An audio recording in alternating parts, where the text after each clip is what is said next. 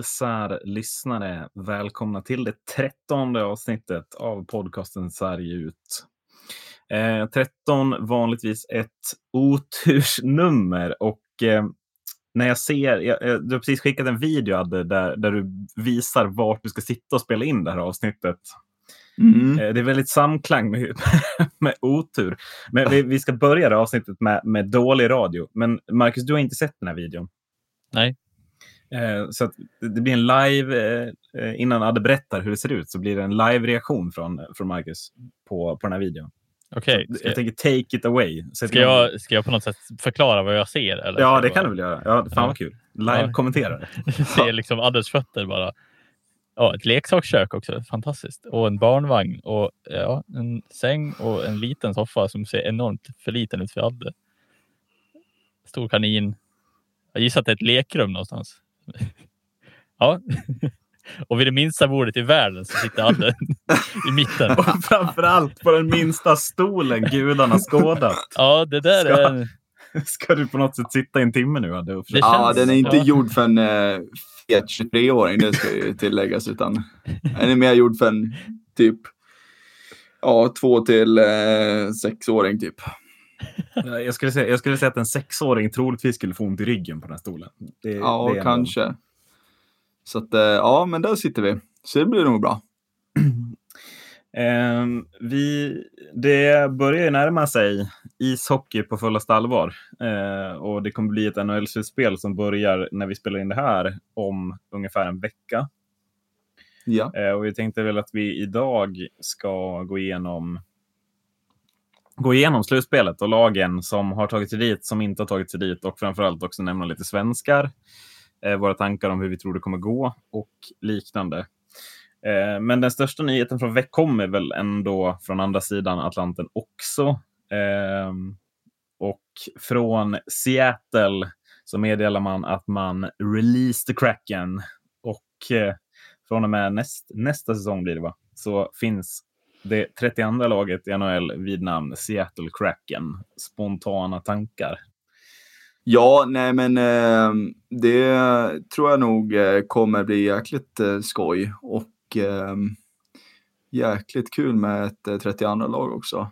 Eh, och det kan ju bli lite heta derbyn där uppe eh, i nordväst. Eh, och det har ju varit på kartan länge att det ska, ska bli ett NHL-lag där i Seattle. Eh, så eh, det ser jag fram emot. Loggan ser lite häftig ut också tycker jag och framförallt färgerna också. och sen har man även sett någon, någon tröja där också som ser riktigt fin ut så att jag tror det kan bli jäkligt, jäkligt bra faktiskt. Mm. Ja, alltså, jag, jag är lite kluven kring namnet ändå. Eh, jag tycker att Kraken kändes lite så här, går lite utanför ramarna känns som. Eh, ja, för det reagerar jag också på Marcus, men, men eh, go on tänker jag. jag. Jag förstår vad du menar. Ja, det, känns, det känns lite som att de vill hitta någon, de vill komma till någon ny modern era där det är liksom. Eh, jag vet inte, Kraken kändes det kanske passar bättre än vad jag eh, tycker eller tror, men eh, det kändes lite som att det skulle vara lite nytänkande på något vis. Och har man framförallt inte glömt ett S i, i namnet? Alltså Seattle Krakens borde väl vara, sett till hur alla andra lag heter, så är det väl ett S ja. som avslutar alla lags namn om jag inte minns fel. Minnesota Wild kanske är ett undantag. Men... Ja, de flesta har väl S i alla fall. Ja. Senators och Canucks och Maple Leafs och ja. Eh, ja, Stars, Rangers, Islanders. Alltså, ja, det fortsätter ju bara. precis, så att ja, det, det går ju lite utanför mängden om man säger så. Mm. Men sen tycker jag väl även att det, det går utanför mängden. Alltså, det känns lite som att de inte följer jag vet inte, följer inte temat riktigt. Det känns, känns det som. Det är kanske någon som kan rätta mig om jag har fel, men jag vet inte. Det känns bara lite, inte riktigt NHL-aktigt. Det känns mer AHL eller ja, ja, jag vet inte riktigt vad jag ska tycka om det. Ja, men det känns som att det är... Inte ens hockey överhuvudtaget kanske? Nej, det, Nej. exakt. Att, eh, och kanske inte riktigt USA heller. Jag vet inte hur ni tänker där, men... Jag, jag vet, mm. alltså... Nej. vad är Kraken? Det är något slags sjömonster och det är väl ändå alltså en på något sätt nordisk sagomyt. Alltså, mm. ja. Eh, så. Och visst, Vikings är ju en sak, men eh, de kopplar också till det här att, man har en, att Seattle har en stad med lång historia av sjöfart. Är inte det extremt eh, kontraproduktivt? Alltså Kraken har väl sänkt mer båtar än någon annan. Om man ska titta till myt och sånt så är det säkert ja. så. Uh, sen kanske det är någon, någon som har en, en uh, fin liksom, förklaring till varför just Kraken var... Uh, för jag har, inte jag har inte läst mer än bara att jag sett namnet så, så jag kan inte riktigt uttala mig kring varför de har valt just det namnet. men ja, det hade varit kul att se, se om, det var någon, om det finns någon som har en bra förklaring till det så, och, och kan övertyga oss. Absolut. Men, jag, tänker, äh, alltså, just... jag tänker väl att man bara... Det, det är något jättelikt monster och ska representera någon slags kraft och aggressivitet kanske. Jag vet inte. Mm. Men, men eh, det, det, är väl inte mer än så. Nej. Vad, vad tycker ni om loggan då? Liksom? Men den känns väl ändå som att de har lagt ner tid på, även tröjorna som du sa. Mm. Alltså där har man ju gjort det märks att även Vegas, deras tröjor och deras logga, det märks ju på de här lite äldre lagen att de loggorna är ju lite av det äldre slaget också. Man kanske hade behövt ja. uppdatera dem lite. Eh, mm. Eh, Arizona valde att göra det exempelvis. Eh, så. Jag läste ju att det var en liten hyllning också till det gamla laget som fanns där i Seattle, Seattle Metropolitans. Mm. Eh, där de också hade ett, ett enkelt S liksom som, som eh, sin logga. Och det, det är ju i princip det Kraken har nu också. Så att, mm. eh, fast eh, ganska mycket mer också än bara, bara test tycker jag. Så att, eh, jag tycker det ser, ser riktigt fint ut. Mm.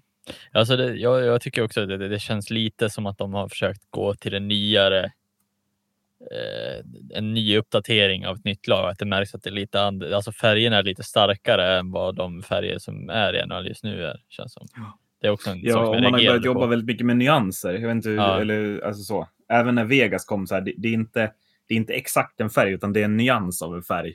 Mm. Tidigare är det ju liksom Rangers är blå, Detroit är röda och Boston är svarta. Liksom. Man, det är inga... Alltså, man, det märks att det är nya tider och att det är nya lag. För att det är en helt annan... Man, man jobbar med inte bara... Man, man, tänker inte bara blå, utan man tänker hur kan vi göra blå snyggare fast det fortfarande är blå? Tänker jag. Ja. Mm. För om man tänker på de flesta, eller många lag i NHL har ju lite mera åt det mörkare hållet när det är en färg. Att den inte, den inte så här, den kommer ju aldrig vara snorgrön, en tröja. Utan det blir alltid att det är, så här, är, den, är den röd så är den lite mer åt det mörkare röd eller mörkare grön eh, och så vidare. Mm. Så att det, de, de kör lite så, men det här känns lite mer ljus åt ljusare hållet. Mm. På något vis. Sen kanske ja, men, en, fel men, lite, ändå, men... lite kallare liksom. Ja, precis. Alltså, lite... alltså om man tänker att uh, Kraken uh, trivs i kalla vatten i, utanför liksom, nordiska länders kuster så har man väl ändå träffat ganska rätt där med, mm. med vad man vill kommunicera med färgerna, tycker jag. Mm. Det, var det, det var det jag tänkte säga också. Det är så här, där har de verkligen tänkt till att, att liksom, det är ju verkligen isblått nästan. Ja, men det var en bra beskrivning av färgen verkligen. Så att, eh, de har ju tänkt till, det har de gjort. Mm. Vad tror vi om vi ska tänka lite spelare? Det blir väl expansionsstraff nästa år då, eller? Ja, mm. Vad tänker vi att det kan vara några svenskar som, som är aktuella för det här laget och kan få nytändning där, likt eh, William Karlsson exempelvis i Vegas? Eh, det tror jag. Mm. Eh, kanske inte riktigt på rak arm. Jag skulle kunna se mig eh, någon målvakt som absolut skulle kunna eh, som absolut skulle kunna eh, bli liksom draftad om man ska säga. Eh, tänker nog mest på Anders Nilsson skulle jag nog kunna tänka mig i Ottawa. Han har ju ändå, nu är ju Craig Anderson till åren. Eh, men jag vet inte riktigt om Ottawa vill, Ottawa vill satsa på honom heller. Men eh, jag tror Anders Nilsson skulle kunna stå högt i kurs där. Mm. Eh, så det finns ju det finns några att ta av, absolut. Det gör det. Mm. Men rent, rent generellt snackat, har inte, har inte Seattle ganska guldläge på nästa år känns som? Mm. Alltså på bredden. Jag tänker mig typ Toronto, Tampa. Alltså det finns lag som har på tok för många spe bra spelare för att kunna låsa allihopa. Mm, där har du ju eh. väldigt rätt också. Mm. Men sen är det ju här, sen är det också som det var inför, inför draften när, när Vegas kom in också. Att, att det är ju vissa kriterier som, som spelare måste uppfylla för att, för att kunna bli draftad. Eh, dels så har det ju med åldern att göra. Hur länge de hade spelat i ligan har jag för mig. Eh, så, och sen är det ju såklart där också med no trade eh, klausul också liksom. Att de har de, de spelarna som, som har det in, inskrivet i sitt kontrakt också. Eh, men eh, Ja. Det ska bli kul att se om det blir liksom en, en större stjärnvärvning den här gången. När, när Vegas tog den här platsen, det var ju typ Mark de Fleury som var det, alltså, ja. den av, av högst kaliber som de tog då. Det, alltså, jag vet inte, tänk med tanken, ja, men säg att alltså, så här, Toronto släpper någon eller, eller liknande så. Mm. Någon så här riktig stjärna. Det skulle kunna bli alltså, extrem stjärnstatus på en spelare i den jämfört ja. med hur det blev. För Vegas blev ju mer liksom ett lag som gjorde allt tillsammans för att man hade ingen stjärna som stack ut riktigt. Mm. Och, Vegas, Vegas var ju ändå ganska snälla på ett sätt i, i sin expansionsdraft. Eh, där de hade mycket snack med andra general managers att, att okej, okay, vi låter bli den här spelaren, specifika spelaren, men vi vill, då vill vi ha några draftval här och där. Ja, men precis. Så och sen plockar väl... man sådana spelare som James Neal och Paul Stastny. Ja. Som, som ju behövde någon slags nytändning och som satt på höga löner ju. Ja, precis. Och det är ju också, de, de lär ju plocka folk som har höga löner också. Eh, lite så, för att kunna komma över, komma över miniminivån i, på eh, lönetaket. Så att, eh, där har du också en grej. Ja, spännande oavsett. Eh, mm. Och eh, vi hoppas väl kanske på att någon svensk kan få utrymme och, och kanske lyckas med samma succé som William Karlsson, tänker jag. Det vore ju faktiskt... Ja, det, det får vi om det gick att upprepa en sån grej. Absolut. Eh, men jag tänker att vi börjar med den här genomgången av ehm, eh, NHL som är på gång att starta. Eh, och vi, börjar, vi börjar med lagen som inte är med. Ja, du, det du, blir har, kul. Du har, du har listat dem, för de är inte många. Nej, det är de inte. De är ju sju till antalet. Eh, och det är ju, som vi har sagt i något tidigare avsnitt också, det är Buffalo Sabres, det är New Jersey Devils, Anaheim Ducks, Los Angeles Kings, San Jose Sharks, Ottawa Senators och eh, Detroit Red Wings. Eh, Red Wings överlägset sist. Eh, så de plockade 27,5 procent i poäng Liksom. Poängprocent. Ja, det, är, det är några man inte reagerar på, några man reagerar på, tänker jag. Eh, ja. Ottawa och Detroit, när jag tittade på lagen inför säsongen så är jag inte förvånad att de lagen är de som är näst sist och sist. Nej. Eh, att sådana lag som San Jose Sharks och eh, Buffalo Sabres till sist inte klarar att bli bättre än botten sju gör mig mer eh, förvånad faktiskt. Mm. Buffalo har ju haft jäkligt tufft eh, ett par år. Och jag vet inte riktigt vad det är, men det är ju någonting som inte stämmer. De gick ju jäkligt bra i början i år och såg jäkligt fina ut. Um, Dalin, inte bli lite Dalin samma, flög alltså. fram liksom. Ja, men började det inte bli alltså, lite samma feeling som Edmonton innan McDavid? Förstår ni vad jag menar? Ja. Det är liksom höga draftval på höga draftval, men det blir liksom inte mer än att man blir en position bättre. Typ. Nej. Jag menar, Eichel sprutar in poäng. Han har ju Jeff Skinner och Sam Reinhardt på, på sidorna. Och, men det, är liksom, det vill sig inte. Um, och sen att Dalin dansar på blå, det verkar liksom inte spela någon roll det heller, utan de lyckas ändå hitta sätt att, att liksom sätta kroppen på sig själva. Mm. Uh, så jag, det är någonting som lär till där känns det som. Mm. Men där lär man väl börja fundera på om det verkligen är spelarna som är problemet eller om det sitter i styrelsen eller i även om de har, de har väl bytt coach också. Mm, mm, mm. Eh, men eh, att det sitter som, om vi ska koppla det tillbaks till, till den svenska ligan, typ Modo Hockey har ju varit, haft jätteproblem med sånt där. Att det känns som att det sitter högre upp än, än, vad, det är, än vad det är i spelarna.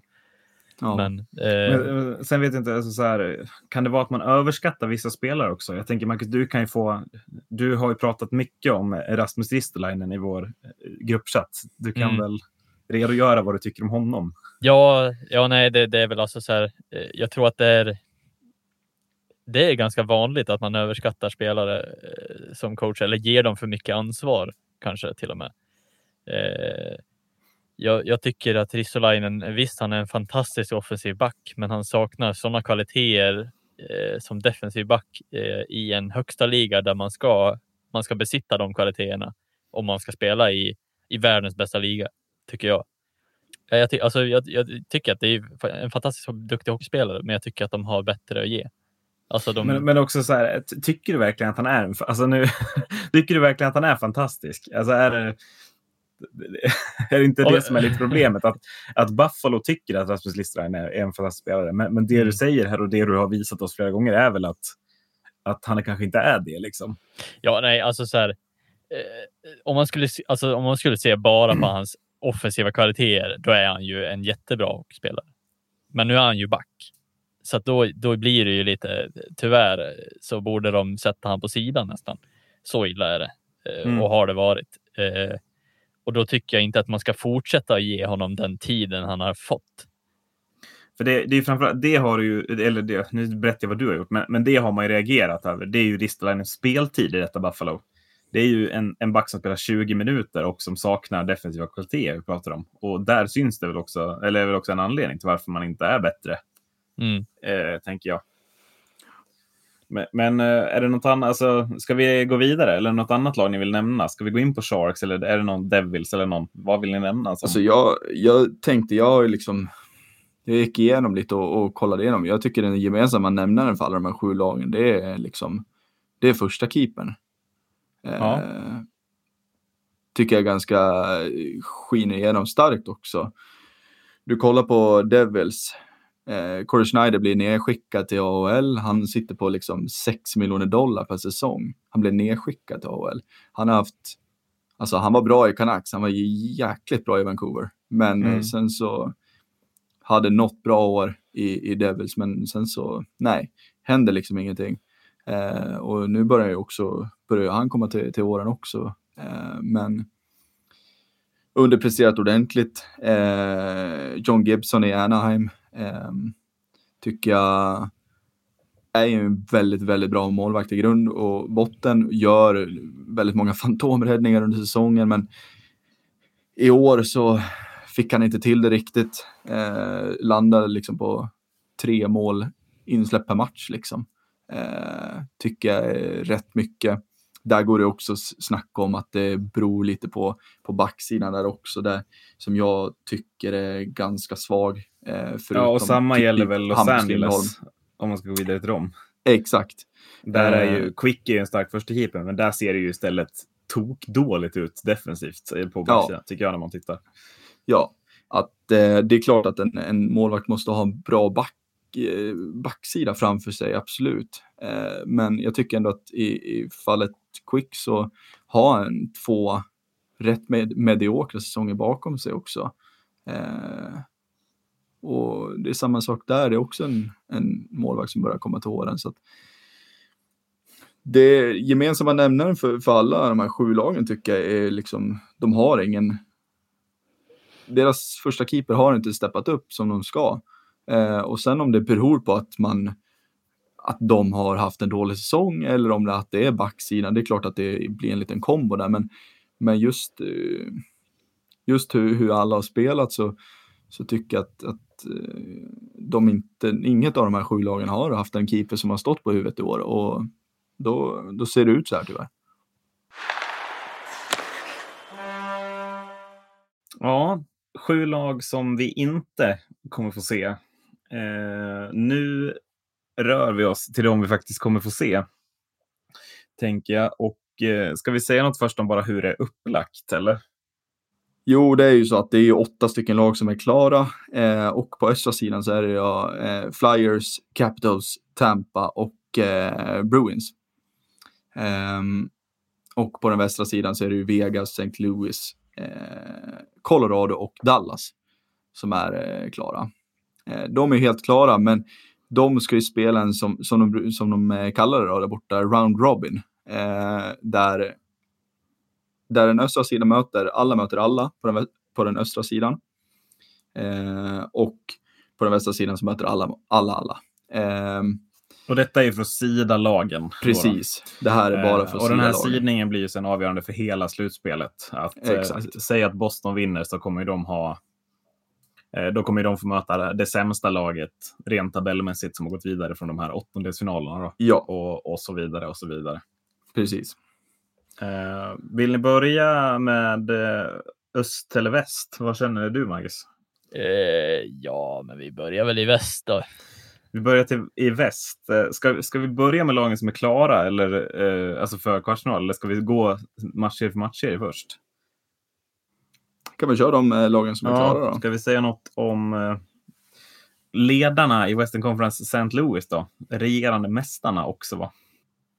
Eh, ska bli intressant att se hur, eh, hur de klarar sig eh, i år. Eh, var ju en ganska outsider förra året, men nu har de mycket press på axlarna också. Eh, är väl, de, de är ju liksom laget som alla vill slå. Ja, men de har ändå klarat pressen på ett imponerande sätt, är väl det jag reagerar på. Jag trodde ju inte man skulle leda Western Conference eh, så där ja. långt in på säsongen ändå. Nej, nej, nej, det har du absolut rätt i.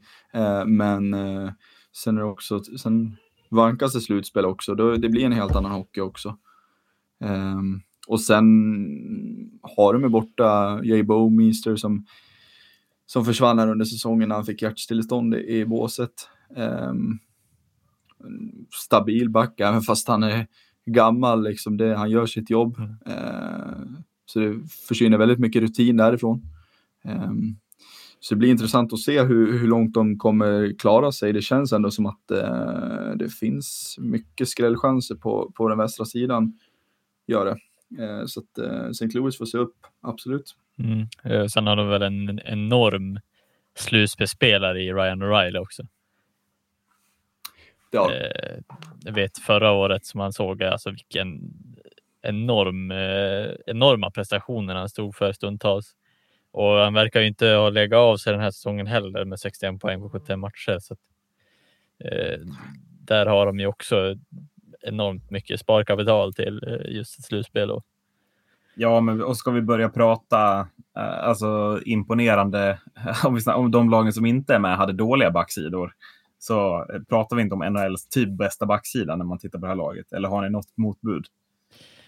Ja, nej, det, det är ju verkligen väldigt brett på den här så, sidan. Så jäkla klass på rightarna framför allt med Peter ja. Langelo, ja, Pareko och Justin Falk som, som högerbackar i en backsättning. Det är ändå... Mm. Ja. ja, det är klass. Det är det. Eh, det är väl eh, Boston som jag tänker skulle kunna kunna vara i närheten av, av eh, de som har bäst backsida, men sen så att, nej, det, de ser ju tunga ut, men det är ju som sagt mycket press på dem också. Mm. Sen att de har sån enormt bra statistik i powerplay också gör det ännu, ännu hetare att gå in i ett slutspel med just mm. den här backuppsättningen och det, det, kommer vara tufft att möta och, och göra misstag mot St. Louis tror jag. Det, det, det kommer det vara. Eh, ska vi säga något? Vi säger väl något om svenskan också tänker jag eh, vilka som är. Eh, i, för St. Louis så är det ju, där har vi ju potentiellt eh, fem, fyra vinnare blir det va? Om de skulle vinna igen. Eh, Carl Gunnarsson, ja. Jakob Delarose, Oskar Sundqvist och Alexander Sten. Mm. Eh, Gunnarsson ordinarie, Oskar Sundqvist bra säsong, Alexander Sten allt, allt annat än bra säsong får man väl säga. Mm. Eh, och Jakob ja. Delarose får väl svårt att ta en plats på 12 forwards tror jag. Ja. Eh, men jag tänkte, ska ta, alltså Sundqvist står väl ändå för en imponerande säsong. Eh, och en, en som ändå väl borde vara tänkbar för landslagsspel eh, om vi pratar ett år fram i tiden om man, om man fortsätter så här, tycker ändå jag. Mm. Definitivt. Han har tagit sin roll på, på bästa sätt eh, och gör ett jäkla bra jobb där i, i fjärde kedjan. Eh, Så att, eh, all cred till Sundqvist och speciellt med de, med de propparna han åkt på också. Det är, och komma tillbaka från sådana såna grejer, det är inte bara bara liksom och sen ändå bara köra. Um, så att, äh, Sundqvist ser, ser bra ut. Sen är det så, sen är det så också, men jag tycker att han är lite begränsad också i sitt, i sitt spelsätt. Um, men det är också ganska vanligt med tanke på eh, att man får en specifik roll i laget. Eh, och Sundqvists roll är inte att göra poäng. Så det är bara att säga det. Liksom. Mm. Så att... Nej, men, och, men trots det så har han ju ändå gjort fler än Alexander Sten till exempel. Eh, där ja. liksom, och tar man sin roll på största allvar så kommer också utdelningen, när jag är lite inne på att Sundqvist verkligen har fått betalt för att att eh, ja. han tar sin roll och med det får han förtroende. Jämfört med Sten som ju tappar förtroende för varje match som går känns det nästan. Och det börjar väl likna någon slags soppatorsk för Sten. Känns väl så. Eh, och det är väl inte många år kvar. Tyvärr. Det var ju spekuleringar redan inför säsongen att eh, en eventuell eh, övergång till Sverige eller, eller en, eh, att han skulle lägga ner karriären. Eh, mm. Nu var ju det väldigt tomma spekuleringar utan eh, någon form av bakgrund, men det, det hoppades väldigt mycket från Modehåll i alla fall att det skulle vara en återkomst utan dess like av Alexander Sten i, i Hockeyallsvenskan. Men det tror jag nog inte att Alexander Sten kommer att, kommer att göra med, med nöje heller kanske. I så fall så tror jag att han hellre avslutar på topp eh, i St. Louis. Eh, ja, men det är ju liksom, det är känslan på ett sätt. Ja.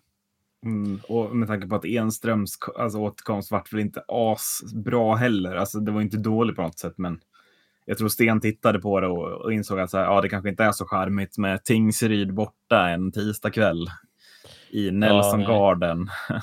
liksom. Och jag tror Sten inte alls har samma huvud som Enström att orka med sådana grejer, utan då tror jag som du att då avslutar han med St. Louis och sen Eh, lever han gott på de intjänade miljonerna han har gjort under de här åren. Ja, mm. precis. Det ska bli intressant också att se. Eh, det verkar som att Tarasenko är klar för eh, återkomst. Mm. Efter sin eh, axelskada som han hade under säsongen. Ja, och det är väl ett tillskott av Guds, Guds nåde om han... Ja. Alltså, där har du en poängspruta som verkligen kan göra skillnad för St. Louis skull, tänker jag. Mm. Verkligen en riktig vinnare, alltså vinnare mm. också. Um... En av de underskattade ryska spelarna får man säga. Jag tycker inte alls han nämns. Eh, det, det, det är sällan han nämns bland de, bland de bästa ryska spelarna, trots att han verkligen borde göra det tycker jag. Mm. Nej, det, det håller jag med om. Ja, där, där är det någonting verkligen att se upp med i, i slutspel eh, för resten av lagen. Även alltså, han gjorde tio matcher förra säsongen, gjorde tio poäng. Eh, och han hade definitivt kunnat landat över O'Reilly i poängmässigt i år. Det, det tvekar inte en sekund på. Eh, med, den, alltså med den kapacitet han besitter. Eh, så det är imponerande att de faktiskt har, har tagit sig så långt St. Louis i år också. Eh, utan Tarasenko också. Vi rör oss vidare. Tvåa i Western Conference, Colorado Avalanche. Eh, jag säger att här finns NHLs roligaste första kedja. Säger någon emot mig? Nej. Nej, jag vet att du inte Nej. gör det, Marcus, men jag tänker att Adde ska få Macke har ju liksom poster på sitt rum med Melanderskog, McKinnon och Rantan. Riktigt liksom. så är det väl inte, men extremt rolig krydda att de också får återförenas i det här slutspelet efter att alla tre haft skador i år. Va? Rantanen är det mest ja. allvarliga. Mm. Mm. Ja, den såg inte jätterolig ut när, när man såg den. Han åkte in i sargen mm. ganska så fort. Gjorde han.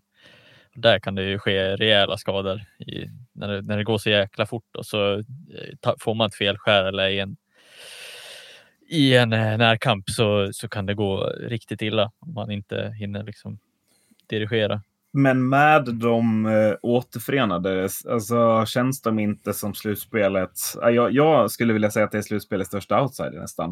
Äh, om de får den, mm. rull på den kedjan. Mm. Så känns det helt... Ja, då känns det som att det är svår, ja, de gör... svårtoppat. Ja, de gör så jäkla mycket. Det är liksom övriga laget, de, det känns som att de eh, bara De bara hakar på och, och följer med. De, de, verkligen driver hela laget. Ja, men det är lite tre. som att det är tre lagkaptener uh, i samma kedja nästan. Uh, på något ja. sätt.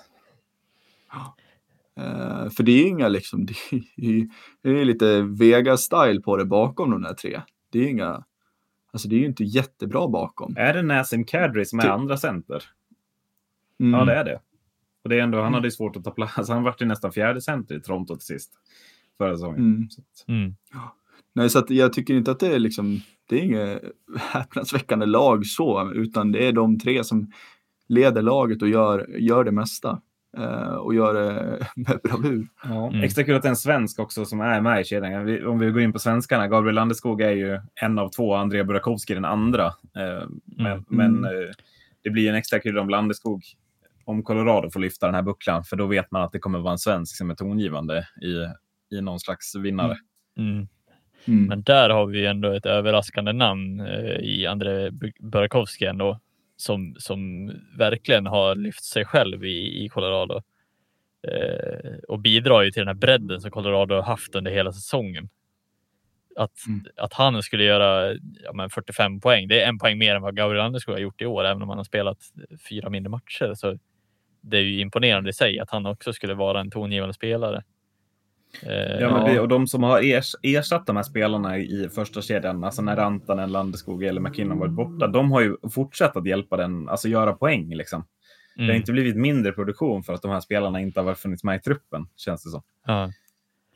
Eh, för man, man, man liksom ser ju långt nere även en spelare som som Tyson Just och Matt Nieto som har faktiskt också bidragit till en, en del av poängskörden. Att det blir ju det blir en väldig bredd. Eh, och det är ju väldigt nyttigt att ha i slutspel. Eh, och, och sen för att inte prata om, om målisarna som där Grubauer blev skadad som var hur eh, omöjligt som helst att göra mål på ett tag. Eh, och mm. Francis kommer in och ser nästan än vassare ut. Så det, det, känns som att de har två riktigt bra målisar eh, som, som är på väg in i det här slutspelet. Och där ser vi ju från förra året hur viktigt det är att ha en bra målis när man går in i, i ett slutspel. Mm. Eh, där i Binnington i St. Louis. Mm. ja, och, och, och, och, eh, sen bakom den här första kedjan, alltså backparet Gerard, Cale Makar känns ju hur roligt som helst. Liksom. Det går mm. inte komma från unga, jättespelskickliga och poängen bara ramlar in från klubbarna mm. på de här spelarna. Så att, ja, alltså, ja, många roliga man... ingredienser och många... Alltså man, har, man har ju ett lag för att vinna Stanley Cup. Det tror jag, det tror jag ingen tvivlar på faktiskt. Nej, det, och Samuel Gerard gick in och tog Barrys plats utan problem. Eh, ja, och jag ska också säga, alltså, Tyson Barry gick ju då till mitt Toronto. Alltså, in, alltså, där snackar vi överskattad back.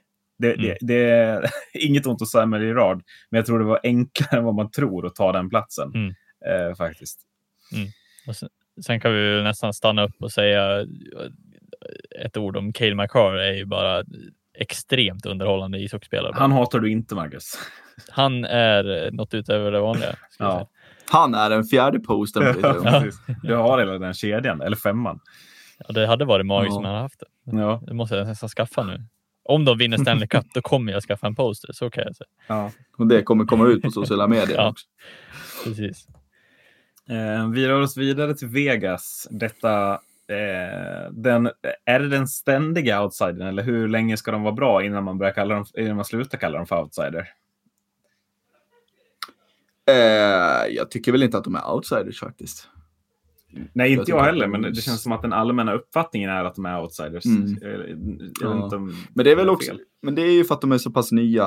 Eh, de är så pass nya och det är fortfarande, nu har de ju lyckats fått in via bra trades så har de ju fått in en, en liksom många bra spelare. Eh, Mark Stone ser ju extremt bra ut. Ja, det är väl den värvningen som som verkligen sa någonting att Mark Stone hellre spelar Vegas än att spela kvar i Ottawa. Det visar ja. ju på någonting tycker ja. jag. Ja. Eh, Max Pacioretty ser ju ser fin ut och är också en, en riktig ledare. Vi får ju se hur, hur det blir. Han har inte varit med nu på eh, i början här, eh, men de verkar vara ganska hoppfulla att han kommer vara tillbaka tills om några dagar när säsongen drar igång. Mm. Eller när slutspelet drar igång igen. Eh, så att de, har ett, de har ett väldigt bra lag och det, det ska bli kul att se. Fleury känns ju inte som att han åldras någonting. Han ser ju lika, lika flexibel ut fortfarande så att eh, han kommer stoppa många puckar också i slutspelet. Så att, ja, ja, Vegas känns som ja, en av tre huvudkandidater tycker mm, jag. Mm. Eh, och, och, extra, det är ju också en, ett sånt lag, men extra roligt att en av de viktiga spelarna är svensk. Första center och ja. allt, William Karlsson. Och där det, finns det adjektiv kvar att beskriva. Eh, alltså den utvecklingen han har gjort från att han kom till mm. Vegas. Alltså, Känns lite som att hans, hans succé går lite hand i hand med hur Vegas går som klubb hur, hur, mm. hur mycket poäng han gör ju bättre går Vegas. Eh, och där är det också lika stort frågetecken. När ska han sluta vara bra? Ja, eh, eller liksom, eller, men, eh, ju... det är väl lite samma sak. Man ställer sig samma fråga om Vegas upplever jag. När ska de sluta vara bra? Mm. Men kommer det hända verkligen?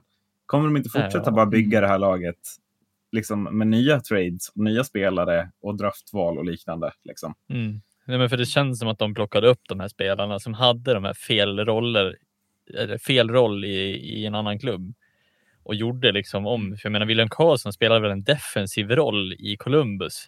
Varav han fick, ja, en, ja, han fick en offensiv roll i eh, Vegas och helt plötsligt var han en av ligans bästa eh, målgörare. Poängplockare mm. och ja, allt möjligt. Man, man har helt plötsligt plockat ut en spelare som är Eh, potential, har potential till att vara en bra spelare och bara satt han i rätt roll. Jag tycker det är en otrolig scouting man gör inför den här expansionsdraften faktiskt. Ja, det, ja, det håller jag med dig Marcus. Det är, det är inte, det är inte jag kan knappt tänka på någon som är en felrekrytering. Alltså till och med sån som Ryan Reeves framstår ju som lite fräsch. Mm. Eh, typ. Ja, jag håller med. Eh, det, och han känns som mest gammal och tråkig om man skulle tänkt på honom för tre år sedan. Liksom. Mm. Mm. Ja, det, jag tror att de är jäkligt nöjda också med... Eh, jag har ju svårt att se att de ska liksom för att få in någon annan här och där. Jag har svårt att se att de ska rubba eh, främst på, på, sin, på sina två första fem eller kedjor. Precis, det är väl en eh, toppback som borde vara nästa mål, tänker jag kanske. Ja, precis. De fick ju in Shea Theodore eh, och han har ju varit jäkligt fin. Sen Nate Smith har ju liksom Schmidt har ju liksom gått från, från att vara ganska anonym i Capitals till, till då när han fick komma till Vegas och, och blivit nästan, han har ju blivit lite ansiktet också på, på Vegas, där äh, fräscha, fräna, roliga Vegas. Mm. Eh, Men precis, för det blir väl, han uppträder överallt. För det, blir väl, det var väl därför det snackades om Erik Karlsson till det här laget eh, ett tag. Ja. Men det är väl, man saknar väl lite av en, en right-back eh, faktiskt. Mm. är väl det som, som skulle kunna anmärkas ja. på, jag vet inte. Men Mm. Men det är väl den positionen man ser härnäst som ska liksom ersättas i det här laget eller som ska tillföra någonting för att göra laget ännu bättre. Mm. Precis. Och, men som sagt, jag har ju svårt att säga att de ska rubba på, på, den där, eh, på de två första femmorna med, eller kedjorna med Riley Smith och Karlsson och Marshall i första och sen eh, Pacioretty och Stasny och Stone i, i andra. Eh, Nej, i alla fall inte på några säsonger väl? Utan då, det är väl liksom när Stasny börjar bli till åldern, Pacioretty till alltså när, när, man, när de inte håller samma nivå längre. Som det är nog förstår. Precis. Men annars tror jag inte mm. heller att, att det är lag, äh, att man känner att gud, vi måste ha en ny forward. Ja. Nej, nej, det känns inte som prio ett i det här laget. Och sen ska det bli intressant att se vem som, alltså hur det, hur det kommer bli på, på målvaktssidan också, när, eftersom de plockade in Lene nu inför vid trade deadline här ja, som var i februari. Mm. Um, och det vore ju kul ändå om det går bra för, för Lener, även om man kanske inte får stå, det vet, det vet man ju inte. Men känns Men, det inte um, som att Fleury kanske behöver mer avlastning då? Att, att de får stå lik, mm. lika mycket matcher, eller kommer Fleury vara tydlig etta tror du? Det tror jag ja. nog. Eh, jag tror nog att de såg mer till eftersom det, ja, dels så avslutades själva grundserien i, i, i förtid. Men jag tror de såg det lite mer som en, en långsiktig värvning också. Macon Subban är all ära, men Fleury fick ta alldeles för mycket ansvar. Mm. Uh, och som sagt, han är, han är, börjar bli gammal nu, Fleury, men uh, alltså det, han ser ju inte gammal ut och det är det som är det, det roliga med honom. Mm. Mm, sista laget att vara klara för kvartsfinal, eh, Dallas Stars med också en stark första kedja får man säga. Eh, mm. Men kanske inte riktigt samma nivå som de här lagen vi har gått igenom nu, känner jag. Jag vet inte vad ni känner.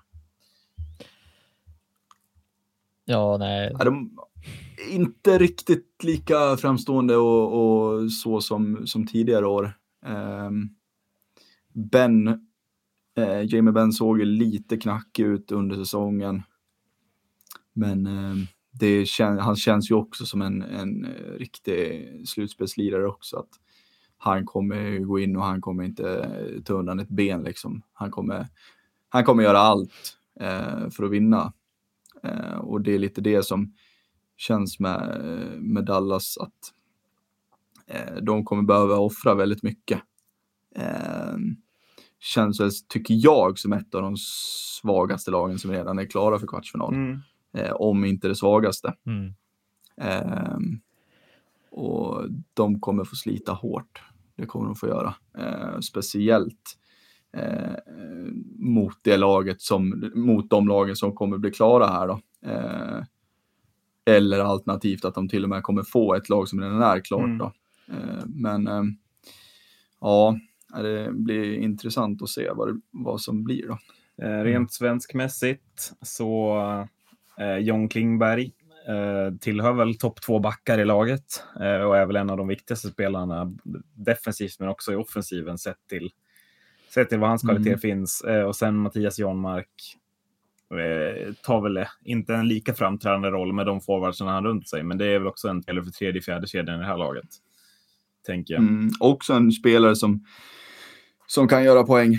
Det har vi ju sett. Ja, precis. Och det är väl lite sådana spelare som kanske behövs i slutspel också. Eh, när det inte funkar för de här mm. bra kedjorna så behöver man, eh, behöver man dem bakom som kan göra poäng. Och det, det, det, känns ju som att de fyra lagen vi går igenom nu, eh, där har det funkat väldigt bra hittills den här säsongen. Men ska se om det funkar lika ja. bra för de lagen i, i, i slutspelet eller om det är något lag som kommer bli väldigt beroende av få spelare där, där många inte klarar av att ta slutspelssteget. Mm. Det känns lite som att Tyler Seguin har verkligen dragit det här tåget själv eh, i år. Lite. Så att, eh, men det är frågan som Janmark har jävligt bra driv så han skulle kunna eh, steppa upp i ett slutspel eventuellt. Vad, tro, vad tror vi om sådana som Joe Pavelski och, och Corey Perry i det här laget? Som liksom har hundra år av rutin. Ja, alltså det känns lite som att Corey Perry är inne på sista versen också. Eh, eller att han känns skulle att... behöva en nytändning någonstans. Eh, men han, ja. Eh, ja, som du säger, han skulle ju kunna explodera i ett slutspel bara för att han har den rutinen han har i slutspelet. Eh, jag känner ju att då känner jag mer att Pavelski kommer göra sitt jobb av, av liksom, han kommer ta den rollen han får och göra det med, med liksom det bästa av det. Ja, för han vill väl, de, alltså det här, det som är grejen med Dallas, det är ju många bra spelare här som aldrig har vunnit Stanley Cup. Eh, mm. som nu liksom har spelat bättre än, än, eller så, kommit till bättre resultat. Och, och, om de verkligen blir extra sugna och verkligen driver på det så tror jag man kan få väldigt utveckling. Och det, jag tycker att det är Jamie Benn och Joe Pavelski någon slags huvudroll för de, för de rollerna. Radulov, jag tror han bryr sig inte riktigt på samma sätt som de här andra spelarna, utan han är mest en, mm. en lirare som är härlig att titta på. Eh, mm. Men om Pavelski bestämmer sig för att han ska fan vinna den här eh, Stanley Cup den här gången, då, då tror jag det, det, finns liksom inget stopp i vissa av de här motorerna. Nej. Mm. Nej, och det känns som att eh, motorerna i uh, Corey Perry känns uh, väldigt rostiga. Mm. typ så. uh, så att jag vet inte, jag har svårt att se att han ska göra någon mer säsong efter det här mm. faktiskt. Mm. Sen, ja. Sen måste jag få nämna Miro Hiskanen också som en enormt underhållande back. Det är många underhållande backar här märker man. Makar, ja, Heiskanen, mm. shit vad roliga backar. Ja, alltså det här. Det var väl första matchen som han gick in och gjorde någon grotesk match. Eh, om jag mm. inte är helt ute och cyklar. Men, eh, fyra pinnar. Ja, fyra pinnar. Och hur han bara helt respektlöst går in i den här ligan och tar plats. Och det gillar man ju med det här dagens, dagens ungdom, som man kan, den här nya generationen hockeyspelare. Eh, att de, de går in och tar, tar initiativ och tar plats och visar att ja, men, jag tänker inte låta någon äldre bestämma över mig. Liksom, att, ja, att de ska tackla sönder mig eller göra något, ja, tro att jag är sämre än dem. Mm. För det är de inte. Och det Nej. visar han ju verkligen. Och är det någonting som just visar det du säger nu, det är ju Miro Heiskanens eh, skott. Alltså han, han har mm. skjutit lika många skott som Jamie Benn den här säsongen. Då är Jamie Benn lagkapten och liksom etta bland forwards. Och spelar alla mm. powerplay och spelar så fort det är offensivt. Alltså, det är en spelare som tar mycket skott. Heiskanen skjuter på allt i stort mm. sett för back. Alltså, det är helt sjukt. Mm. Ja. Det är värt att notera att Jamie Benn bara har spelat 16-26 i, i snitt. 16 minuter, varav ja. Heiskanen 23. Mm. Ja, backar har ju mer speltid. Men, men, jo, ja, jo så är det. Men uh, att uh, Tyler Seguin har 19. Mm. Ja. Nej, det är som du sa, Seguin har ju dragit lasset. Mm. Och det har han väl kvaliteter att göra hela slutspelet, tänker jag. Ja, ja. så är det. Mm. Eh, det blir långt det här. ska vi... Det känns som att vi kommer att nästan kunna dela upp det här i två delar. Ska, ska vi... Är det del ett och del två vi pratar om här kanske? Jag tror för eh. vår egen skull också kanske. ja, precis. Men ska vi gå igenom, vi går igenom de matchserierna som finns, eh, som är klara. Det kommer bli matcher. Eh, åttondelsfinaler blir det va? Eh, mm. och det är ju då eh, femman Edmonton Oilers mot tolvan eh, Chicago Blackhawks. Ett på mm. förhand mm. väl ganska roligt möte. Känner jag. Mm. Om man ser till ja. vilka spelare som finns i lagen. Och, och historien. Blackhawks vunnit hur många guld som helst på 2010-talet. Men senaste säsongerna väldigt knackigt ju. Och Edmonton mm. har väl väldigt potential att bli något slags eh, era lag nu om det bara fortsätter gå i den riktning det har gjort den här säsongen. Mm. Om, det där, om det där lilla lossnar liksom, som, som de har dragit med sig nu under så många år efter, efter misär. Eh, om det där lilla, lilla sista lossnar bara och, och Dreisaitl och, och McDavid eh, steppar upp en växel till, då ser de farliga ut. Det är få gånger som man har tyckt så här att ja, men alltså, hockey handlar ju för, till stor del bara om ett, alltså, alltså ett lag ska dra så jämnt som möjligt för att ta sig långt. Men det känns lite som att Edmonton på något sätt har gått kringgått det där och har spelare som, som ja, men Dreisaitl och McDavid. Att de, man, man, väntar bara på när ska det ta slut eller hur? Alltså, de kan ju inte göra mer poäng, men det kan de ju. Och det är man, man får ju säga med... att de, de har verkligen byggt sitt lag genom en centersida, Edmonton i alla fall. Där ja. Ryan Nugent Hopkins mm. alltså är tredje center i det här laget. Mm. Men där Zach Cassian mm. spelar som första ytterforward. En av kedjorna. Mm. Det är, ja. ja, men det är verkligen fascinerande att se, eh, se Edmonton, hur de, har, hur de har spelat i år och hur, hur det, alltså det, allting kretsar ju kring McDavid Dreisaitl. Och sen har man ju också funderat med Dreisaitl, precis som man gjort med William Karlsson och Vegas när ska han sluta göra poäng? För folk var ju så här, nej men han gör ju bara poäng på grund av McDavid. Nu har han ju motbevisat en hel hockeyvärld att nej, han kan faktiskt göra poäng på egen hand. Mm. Och ja, men det, det, tycker jag att han har bevisat i år att det, det här är en spelare som är att räkna med även alltså, framöver. Ja, och, och jag menar botten i Conor McDavid, den, den verkar, det verkar vara ett hål. Liksom. Det är ett bottenlöst hål. Alltså att han, mm. blir ju, han, han är ju snart på en nivå där ingen hockeyspelare någonsin har varit. Mm. Uh, och om, om McDavid liksom får gå en hel säsong skadefri och de får in någon ytterligare forward här, ja, då känns det som favorit på att vinna Stanley Cup nästan med de spelarna man sitter på, inne på. Mm. Ja, men det kan ju inte vara alltså så här, Dave Tippett, coachen i, i Oilers, när han känner för det, då bara skickar han upp Dreisaitl med McDavid. Och jag menar, ja, då, då är det bara att åka till, till bänken för motståndarna och sätta sig och så får de göra sitt liksom. Mm. Det, liksom, det finns ju ingen stopp på dem då. Då blir det lite som lite Sedin-vibbar över det hela. Mm.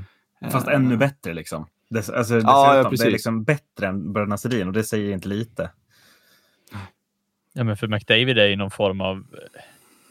Jag vet inte vad man, man kan inte jämföra McDavid. Vi har inte sett något liknande någonsin tror jag. Och då talar jag för alla i, i form av hastighet och alltså kreativitet och eh, nu, nu motbevisar det ju han som vann.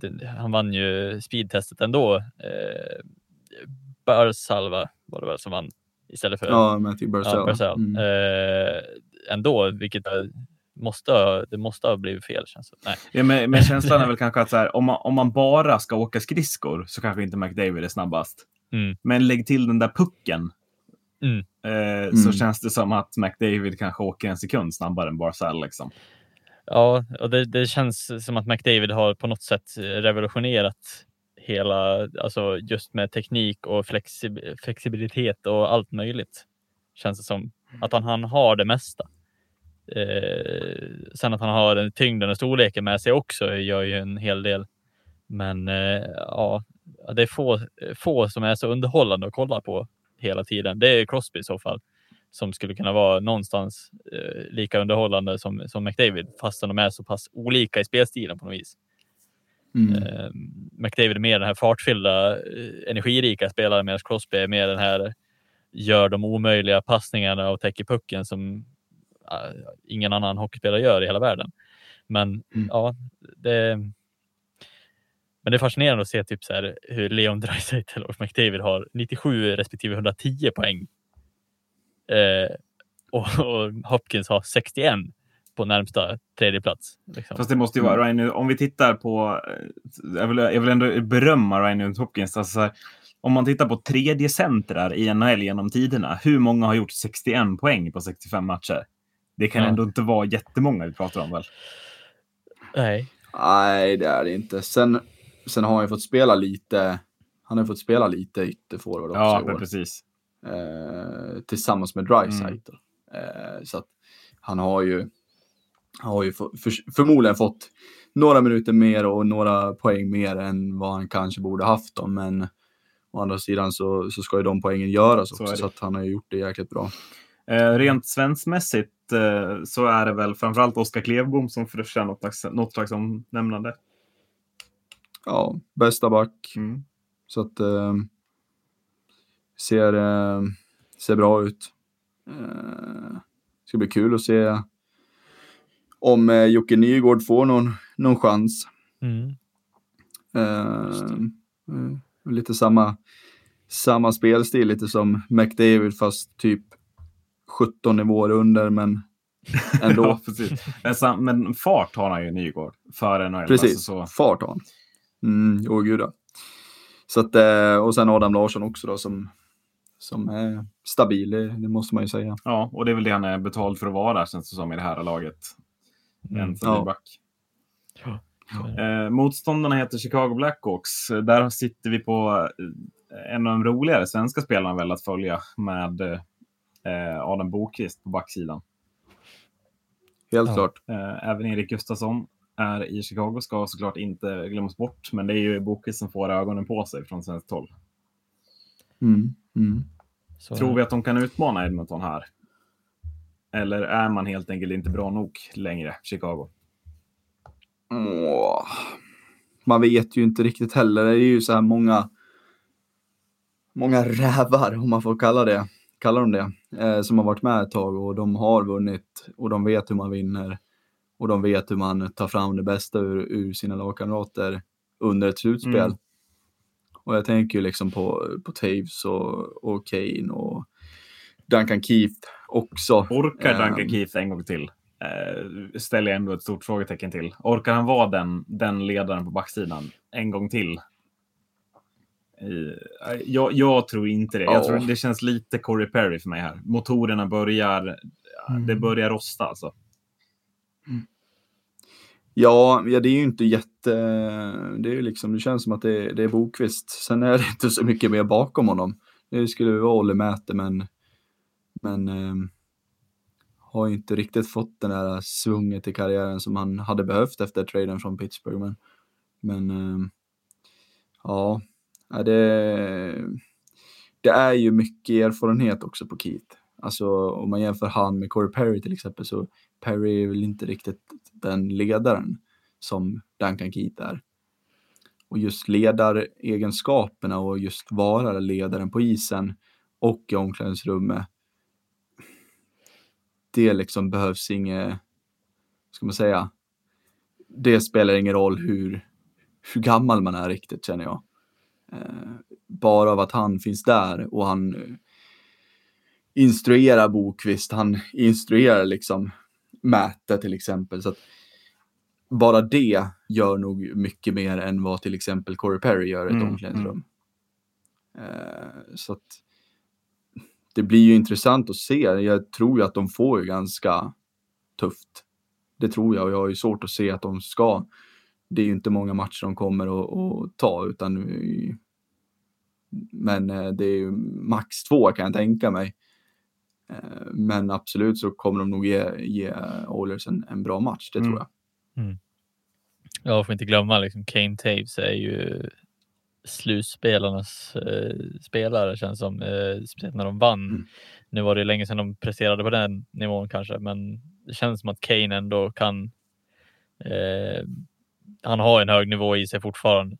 Jag mm. vill ha lite mer av Taves ändå för att ens kunna spekulera i om de ska ta sig längre. Men det känns som att han har. Han har det kvar, alltså han har ju potentialen kvar. Absolut. Han har ju visat hur bra han är. Men det känns som att han tappat lite på slutet. Eh, sen är det klart, det känns som att eh, det ska mer till för att eh, kunna stoppa den målproduktion som Dreisaitl och McDavid har. Så att ja. Mm. Eh, men det lutar åt om ni får säga en vinnare. Jag tror ändå att Edmonton vin löser den här matchserien faktiskt. Ja, det tror jag också. Eh, helt klart. Eh, och jag tror nog att de gör det med eh, 4-1 i matchen. Är det bäst av sju de kommer spela? Det är det va? Mm, nej, just det. Det är bäst ja, av fem. Så, så jag säger 3-1. Ja, för jag hade tänkt säga 3-1 i matcher också faktiskt. Mm. Mm. Har du, följer du strömmen Marcus eller tänker du på något? Tänker du att det varit kul. Nej, men jag, jag säger emot bara för att det, det, är inte för att jag, jag tror att Edmonton kommer vinna, men jag tycker att eh, det hade varit kul om Chicago fick en, en extra push igen. Eh, mm. jag vet inte om vi nämnde vi att Alexander Nylander också är med? Nej, jag, jag vet inte Chicago. varför. Jag gjorde ju en jättegenomgång av, av svenskarna i de här lagen inför de här avsnitten. Jag fattar inte varför han inte dök upp. Jag fattar inte varför du tog med Erik Gustafsson eftersom han är ja. i Calgary också. Nej, det fattar ja, inte, så inte fattar, lyssnarna hatar på det. Det fattar inte jag heller varför, varför det blev så fel har, i Chicago. Men... Han har väl ändå om någon gjort en ganska okej okay säsong för att ha gått från ja, men Buffalo och var Han har åtminstone kommit in i ett NHL-lag. Det känns ja. skönt för Alexander Nylander att slappna av lite med, med, den grejen tycker jag. Ja, så jag tycker att vi, vi kan lyfta han lite eh, i och med att han är, han är fortfarande ung. Så jag menar, han, han har ju mycket fram, framför sig och ser vilken utveckling William Nylander har haft. Så att, mm. eh, det är bara, om man får rätt, rätt omgivning så kanske han kan, eh, kan gå, gå ännu högre. I det här laget. Ja, jag nämner honom hellre än eh, hans brorsa i alla fall. Det Men det, det, är du inte. det är inte blyg över att säga att du inte tycker om William Nylander. Nej. Men den diskussionen kan vi ta en annan dag. Men det, det är ju den andra sidan. Nu, får, nu går vi vidare på västra sidan. Ja. Eh, till eh, det tråkigaste mötet. Jag sticker ut hakan och säger det. Nashville Predators mot Arizona Coyotes. Shit, vilket tråkigt möte. Eh, ja. Trots att vi har en del svenskar i lagen. Men alltså, det känns som att hypen kring Predators har dött helt. Jag vet inte vad. Och Arizona är, jag utser dem, eventuellt det tråkigaste eller näst tråkigaste laget i hela ligan. Ja, mm. alltså jag tycker, jag tycker att Nashville är ganska kul att kolla på. Det, det måste jag ju säga att det, det är inget tråkigt lag, och, men just själva mötet, det känns, det känns för mig som att det är väldigt ensidigt att, att Nashville kommer vinna det här eh, även om allt kan hända i slutspel så tycker jag väl ändå att det känns som att ja, men Nashville har ett enormt mycket starkare lag och roligare lag att kolla på för den delen. Eh, sen är det väl också kanske lite, eh, lite medgångssupporter på grund av att det är en del svenskar i Nashville också. Men jag tycker det är enormt kul att kolla på Phil Forsberg till exempel. Ja, eh, men nog känns det väl, jag, jag håller med dig Marcus, det, det känns ensidigt det här. Mm. Eh, visst, eh, de har gjort en bra säsong, Arizona, men ja, kommer det räcka till.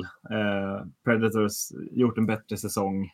Man har bättre spelare på alla positioner tycker jag också. Eh, allt ifrån målvakt, backar till forward. Jag ser liksom inte... Det, det är underskattning som känns som det farligaste för Nashville, att man tänker att det ska gå lätt. För det kommer det såklart inte göra. Men nog ska man väl mm. lösa det här, eller vad säger du Adde? Ja, jag är inte lika övertygad som er faktiskt. Det är jag inte.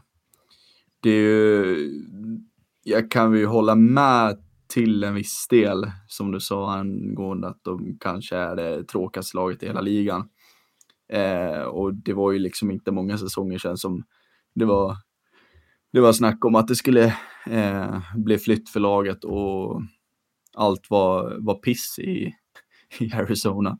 Eh, men de har ju fått en liten nytändning eh, och inte bara att det går bra för laget också utan publiken har ju, har ju börjat komma tillbaka lite också. Eh, men jag vet inte, jag tycker de ser lite, lite roliga ut och de ser lite farliga ut också. Eh, Ekman Larsson, det blir ju kul. Leksands eh, Leksands derby där mellan Ekman Larsson och, och Ja, Forsberg. det blir det verkligen. Uh, Oliver Ekman Larsson som, som uh, efter, jag tror det är tio säsonger i NHL va? Nu ska jag kolla. En, två, tre, ja. fyra, fem, sex, sju, åtta, nio. Ja, som alltså sin tionde säsong i NHL spelar sin... Han har alltså inte spelat 20 slutspelsmatcher än. Utan kommer att uh, ja, göra det. När det här slutspelet är klart så har han spelat minst 20 matcher. Då. Ett slutspel på tio år. Det känns ändå orutinen i Arizona tycker jag talar emot dem också. Det, det är liksom mm. spelare som aldrig har spelat slutspel knappt. Eh, mm. Phil Kessel är all ära, men sen är det, det är Clayton Keller, det är Conor Garland och det är Nick Smolt som ska göra poängen. Och det, eh, har de det i sig? Jag tvivlar. Mm. Taylor, Taylor Hall också. Ska, eh, ja. Har han spelat slutspel? Han såg... Edmonton, New Jersey. ja, Devils. Ja, ja, precis. Devils ja. lirade med. Men eh, ja, han såg ju riktigt fin ut när ja, han kom. Visst. När han kom från, från Devils. Det ska jag ändå nämna. Det är det. Men... Mm. Det är det. Eh, och Derek Stepan ser, eh, ser också bra ut. Så att eh, jag tror de kan ge en väldigt bra match. Jag tror inte alls att det kommer att bli så ojämnt som eh, ni tror faktiskt. Men är det någon liga som aldrig slutar överraska så är det väl NHL. Alltså det finns ju ingenting ja, det... som man kan säga längre som är så här. Ja, men det här är helt säker på att de, de kommer aldrig ta sig till slutspel eller ja, det, det kommer ju alltid komma ett St. Louis igen. Det är ju, mm. det, det, är ju ett sånt praktexempel på att man aldrig ska underskatta lagen underifrån. Eh, så att eh, ja, nej, alltså jag, jag tror också så här, det, det kan bli jättejämnt det här egentligen. Men det känns som att det inte borde bli det. Men ska bli otroligt kul att se eh, målvaktsmatchen också mellan dem. Ja. Mm. Eh, för det är eh, två, eller ja, fyra totalt, då, extremt bra målvakter. Ja, verkligen. Eh, och om man ser till, till under säsongen så tycker jag nästan att eh, Darcy Kemper som är första keeper i, i Arizona såg nästan bäst ut av dem. Eh, och stod på huvudet många matcher och räddade många poäng till, till Arizona. Samtidigt som Ante Ranta kommer in och är en perfekt andra keeper. Han är ju nog en av de bästa andra keeprarna i hela ligan. Och känns, där snackar vi ta sin roll. att verkligen ja, acceptera sin, sitt öde som andra keeper men att inte vilja ja. spela i, i finska ligan exempelvis. Ja. Eh, men ska vi titta lite? Så att, eh, där kan det, kan det bli ja, avgörande. Absolut. Ska vi titta lite på svenskarna också så det är ju som vi säger, det är ju en bra säsong från Filip Forsberg, eh, Kalle Järnkrok och eh, Mattias Ekholm. Eh, Viktor Arvidsson, not so much. Tror vi, tror vi på, alltså, är det lite slut på brintid där eller är det bara en dålig period eller vad tror vi med Arvidsson? För han måste ju höja sig om han ska vara kvar i topp två-kedjorna, eh, alltså hela slutspelet. Kän känns ju lite som en slutspelsspelare mm. på ett sätt. Ja, den farten och den, eh, vad ska man säga, tjurskalle känns det som att han är på något vis. Ja, den storleken här och den eh, respektlösa det respektlösa sättet han slänger sig in och täcker puck och ja, krigar sig in i situationer så känns det som att han eh, det kan vara tillfälligt med just att det är en dålig säsong. Nu får han ju en. Nu har han ju fått en lång vila från den förra säsongen, så man kan nästan räkna det här som en ny säsong i princip. Nästan. Eh, men eh, ja, får se om man får en ny tändning, för jag tror att eh, kombinationen Filip Forsberg Arvidsson har vi ju sett i ett VM och det såg vi hur bra det var. Ja, då. Men, men, nu får jag vara lite. Det här är ju en spelare jag har svårt för då. vi kommer till en annan, eh, en annan som ni har. Men, men jag tycker att Viktor är han inte begränsad. Alltså, jag tycker att det känns som att det är sån risk för att, att eh, jag menar att backarna i NHL har börjat lära sig vad Arvidsson gör. Han åker fram och skjuter med enorm fart. Mm. Jag vet inte hur ni tänker, men jag, jag, tror att alltså, för mig känns han begränsad jämfört med, med framförallt Filip Forsberg. Det var ju länge snack om att de skulle bli ett radarpar och, och vara lika bra, liksom. men jag tycker att Forsberg mm. har en helt annan nivå i sig än vad Arvidsson eh, har just nu och kanske kommer att ha under sin karriär också, om jag ska gissa. Mm. Ja. ja, det känns ju inte som den typiska liksom, första, andra linje forwarden. Nej. Eh, det gör det ju inte, men sen hade de ju har de haft stora framgångar, då, han och Forsberg och Ryan Johansson i, i kedjorna. Så att, vem vet, det är ju som, som vi säger, det känns ju som en slutspelsspelare så att det är möjligt att han kan steppa upp också. Mm. Det kan vara en sån period som Arvidsson går igenom också, att eh, kanske han kanske tappar någon lite hastighet på, på det tempot han haft innan och kan inte använda på rätt sätt. Men om man kan utveckla det åt ett annat håll så kanske det kommer tillbaka igen. Eh, mm. Jag tänker på typ Patrick Kane också som har blivit lite mer av en framspelande spelare än den här fartspelaren och tekniken. Men har, har eh. Arvidsson i sig att bli en framspelare? Tror du det?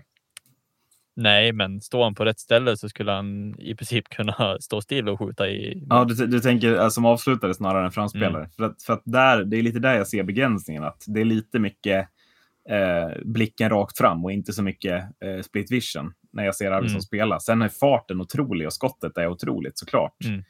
Eh, men, men ja. Men har man en spelare som Filip Forsberg med sig så tror jag att i princip vem som helst skulle kunna ställa sig still och, och göra, alltså, eh, göra rätt mycket poäng ändå. Mm. Eh, nu tycker jag inte att Arvidsson ska ställa sig helt still, men jag tror att han, besitt, alltså, han skulle kunna besitta en mer eh, än vad han visar.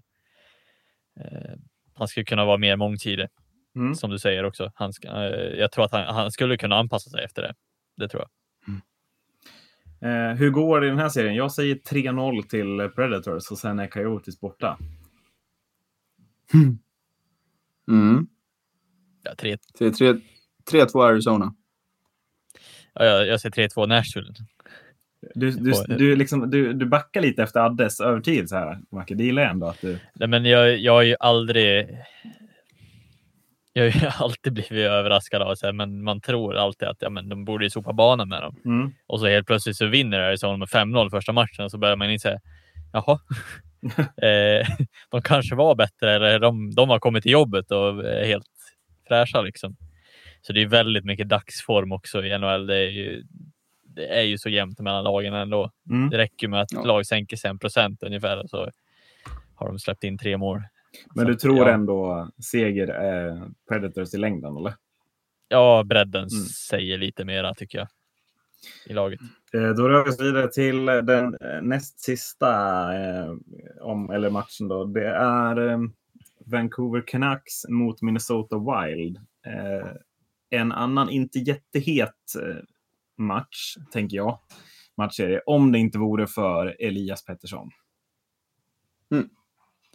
Ja, nej, jag tycker att det är, eh, ja, kan vara det eh, sexigaste eh, mötet. Ja, hade inte Elias Pettersson varit Tror med, jag. då hade jag definitivt hållit med dig. Men jag kommer ju se de här mm. matcherna bara för att få se på Elias Pettersson, är jag lite inne på. Ja, det håller jag med mm. För det så kommer det vara. Mm. Uh, Elias Pettersson kommer vara extremt bra tror jag. Ja, han känns som en sån spelare som, som han kommer tillbaks exakt lika bra som innan. Han har tränat ja. på och han har inte varit ute och festat och han har, alltså det, det, det kommer vara full, en fullt tränad Elias Pettersson som bara är redo att sätta skottet i skott känns som. Mm. jag väntar ju bara på att han ska få eh, Eh, den här revanschen som han eh, hela tiden. Eh, han får ju alltid stå ut med det här. Det, det känns lite likhet med Foppa på något vis. Han får alltid stå ut med de här fula efterslängningarna som tacklingarna och de hänger i honom och de. Ja, han har fått stå ut rätt mycket, tagit rätt många smällar nu på, på kort tid och jag hoppas verkligen att han får ha fått bygga upp sig och verkligen vara fullt redo för det här, för det kommer att bli. Det kommer att smälla ännu hårdare och det kommer vara ännu fulare tjuvknep i slutspelet. Det tror jag. Men eh, han har ju en förmåga att se så extremt hal ut i de flesta situationer ändå. Eh, även om det verkar ibland så går det liksom inte att undvika en, en smäll. Eh, men ehm, Ja, nej, det, det är ju som ni säger, det är ju bara på grund av att Elias Pettersson spelar i Vancouver som att det blir så underhållande som det är. Eh, sen kan jag tycka att Queen Hughes också gör rätt så. Han ska också nämnas. Han är väldigt underhållande att se på. Man får ju också in Tyler Toffoli, va? Precis innan. Eh, som en slags ja. lekkamrat till Pettersson kanske. Eller som, mm. som ja. ett tillskott i alla fall. Det känns som en intressant värvning för att verkligen stärka forwardsidan ändå.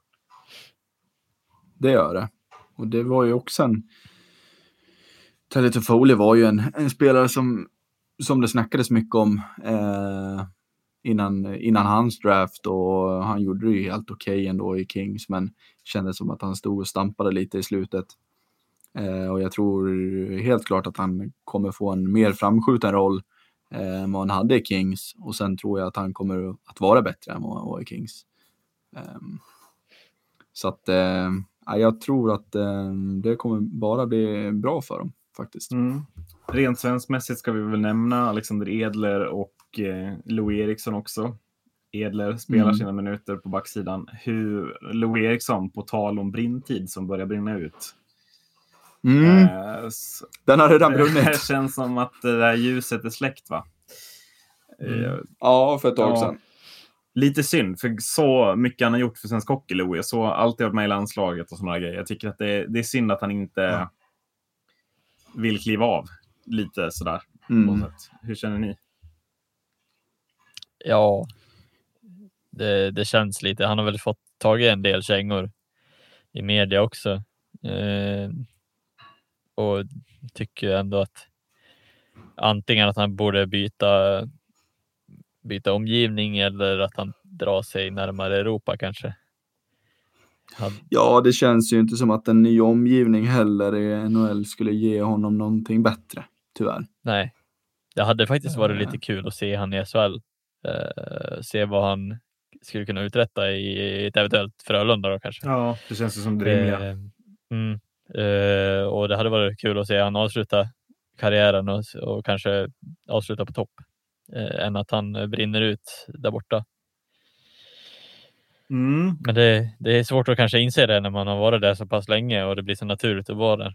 Eh, det är väl svårt att byta omgivning, omgivning bara sådär efter, jag vet inte hur många år han har varit där nu. Ja, men... och han kanske vill sitta ut de här kontrakten och, och tjäna de sista pengarna innan han lägger de där eh, skridskorna på hyllan också kanske.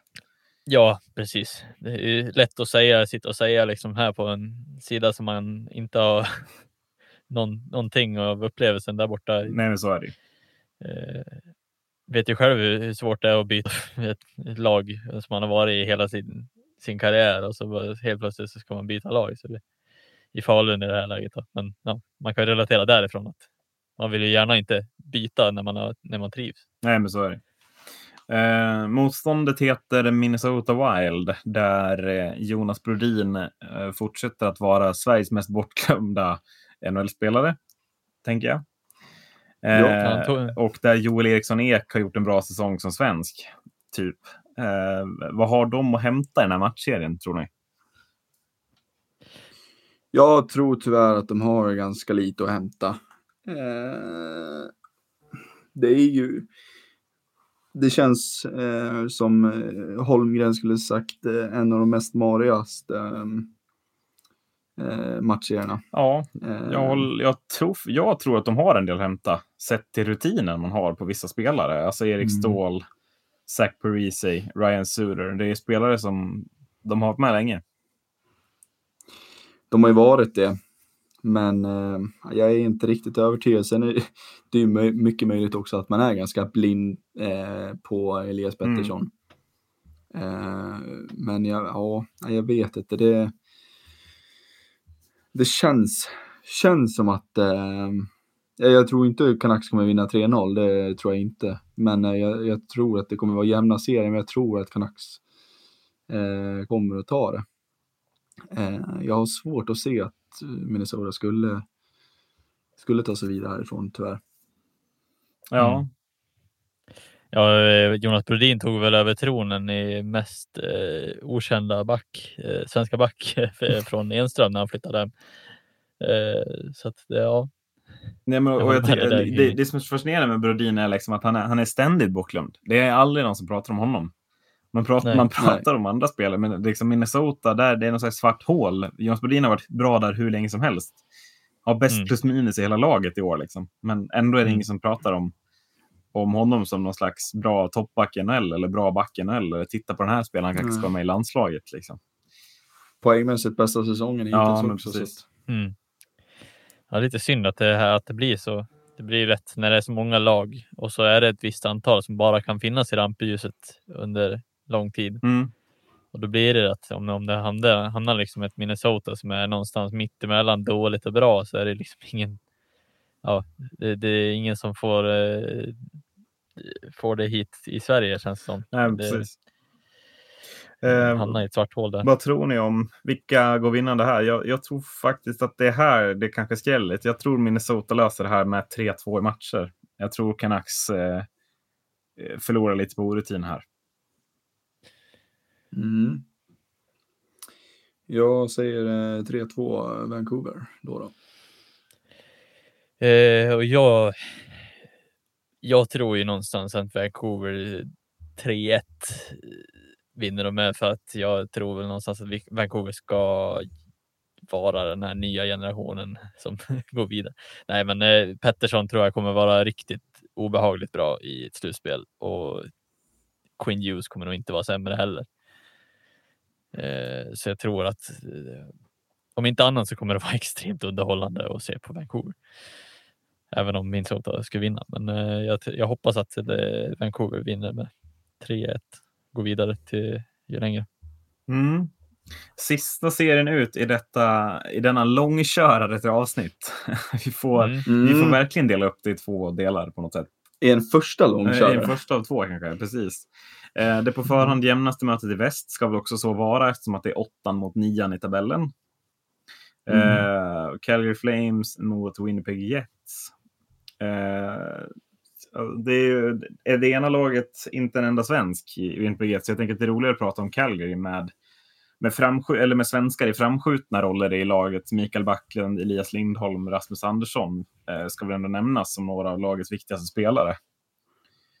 Och Erik Gustafsson. Och Erik Gustafsson, just det. Den ständigt bortglömde av mig i det här avsnittet. Förlåt Erik, tänker jag. Mm. Ja, nej, eh, kul med lite Kanada derby och, och sådana saker. Så att um, jag ser fram emot den här extremt mycket. Mm. Och det borde vara den man ser fram emot eh, mest också kan man ju tycka med tanke på att det bör vara det jämnaste. Ja, nej men det, det finns också, det, det är ju, det, det, jag tycker är unikt för den här serien och för Oilers och eh, Blackhawks, det är att det, i, de, i, de, i de här lagen finns det också spelare som är lite roliga att kolla på. Alltså, nu är det inte McDavid mot Kane, men, men det är ändå Johnny Gaudreau på ena sidan och, och eh, Mark Scheifele på andra sidan. Mm. Eh, som ändå, det, det tillför någonting. Det blir en annan grej än när man liksom tittar på Ja, men visst, Elias Pettersson i all ära, men Bo Horvath och Mikko Koivu liksom känns inte lika kul. Nej. Mm. Och det är väl fler än bara dem egentligen också. Men jag tycker Takchak har ju varit riktigt jävla ja, jag, Bra att du sa det, för jag vågade inte säga det namnet. För jag var eh. livrädd för att säga fel. ja, det, det är ju en eh, fantastisk stavning på det med T-K-A-C-H-U-K.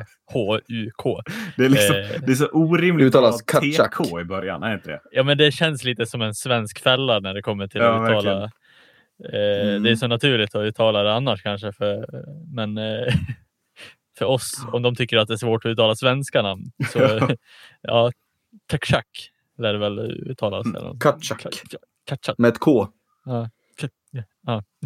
Kachak. Ja, ja. ja, jag, jag tänker inte ens ge mig på det, för jag känner, jag känner bara att det, det kommer vara det sämsta kvar. Så. Ja. ja, nej, eh, där har vi ju en spelare som eh, han kommer göra livet surt för, för backarna i, i Winnipeg, eller hela Winnipeg nästan. Eh, det är ju en eh, retsticka ut, ja, ut i fingerspetsarna. Mm. Eh, och en otroligt bra spelare. Mm. Um, så att eh, Kachak kommer att, um, eh, jag tror att han kommer vara Calgarys bästa spelare eh, faktiskt. Mm. Tror jag. Eh, tillsammans då med Sean Monahan och, och Gaudreau. Men jag, Kachak kommer vara den, han kommer verkligen ta på sig ledarrollen i det här laget. Och ja, nej, det, det ska bli riktigt kul att se. Ska det bli. Mm han bråsar lite på sin far också när det kommer till tjurskalle och det. lite buse. Men så är det. det är lite som i, i Max Domis fall också. Det känns som att den här generationen spelare har både och. Mm. Alltså inte bara en sida utan Nej, precis. de har eh, någonting eh, att de kan tillföra laget samtidigt som de har mm. den här riktiga retstickers. Däremot ska man kanske ändå inte ska vara så taskig mot pappa Keith, tänker jag. Han var väl ändå också nej, exakt nej. en sån spelare. Mest. Så pappa Tai, där ska man... Pa, pappa Tai Domi, ja där, där, ska man vara. Där, där, var det ju bara en dimension. Det var ju slåss liksom. Men, men mm. om man ser till... Ja, familjen. Ja, precis. Så, ja. så var ju Keith exakt den typen av... Och han var, han var ju väldigt framgångsrik också med den typen av spelstil. Ja, ja, precis. Men det känns lite som att han har tagit den och utvecklat den lite längre till den här nya generationens hockeyspelare ja, som vi he hela tiden mm. tar upp. Nej, men, eh, att det är en enormt underhållande ishockeyspelare, både tekniskt och att han faktiskt eh, snackar lite skit ner på isen också. Mm. Mm. Noterbart tycker jag, nio extremt bra backar i Calgary. Mm. Eh, eh, och det andra noterbara är ju då att Travis Hamonic eh, står över slutspelet på grund av covid-19. COVID ja. mm. Väljer att välja hälsan han före. Han har alltså inte covid-19 eh, men vill inte få sjukdomen så mycket att han skiter i det. Eh, Precis. Ja. Ett avbräck får man väl ändå säga. Det är det. Det är det. Men när man sitter och kollar på, på backsidan så är den eh, extremt stark. Mm. Ja, jag säger inte emot dig. Den är, det... den är riktigt stark. Bortglömd backsida när man pratar om den bästa känner jag lite. Ja, alltså, faktiskt. Väldigt underskattad. Och, och, på tal om bortglömda svenska backar, Rasmus Andersson. Herregud. Ja, mm. ja där har vi, har vi haft en riktig utväxling. Mm, mm. Eh, så att, eh, det enda som talar emot Calgary är ju målvaktssidan. Eh, Cam Talbot har ju inte kommit upp riktigt tycker jag som han borde göra. Eh, hade ju bra säsonger där i, i Edmonton, men eh, var ju ganska mediokert förra året. Um, sen får vi se då uh, hur, hur det ser ut nu i slutspelet, men han har ju inte riktigt presterat så uh, pass bra som jag hade önskat. Och det du nämner nu är nog den anledningen till varför jag kommer välja Winnipeg som min vinnare i den här serien. För eh, om inte mm. Kent Talbot kommit upp så var, har ju Conor Hellebuyck varit kanske den bästa målvakten i hela ligan väl? Eh, den här säsongen. Ja. Eller till en av dem. Eh, har ju, trots att Winnipeg ligger nia i ligan, eller i sin konferens, så har han alltså näst flest segrar av alla målvakter. Eh, vilket tycker jag är en ja. fantastisk statistik att nämna i det här sammanhanget. Gud ja. Så att, ja, det är riktigt rolig serie på mm, förhand. Mm. Absolut.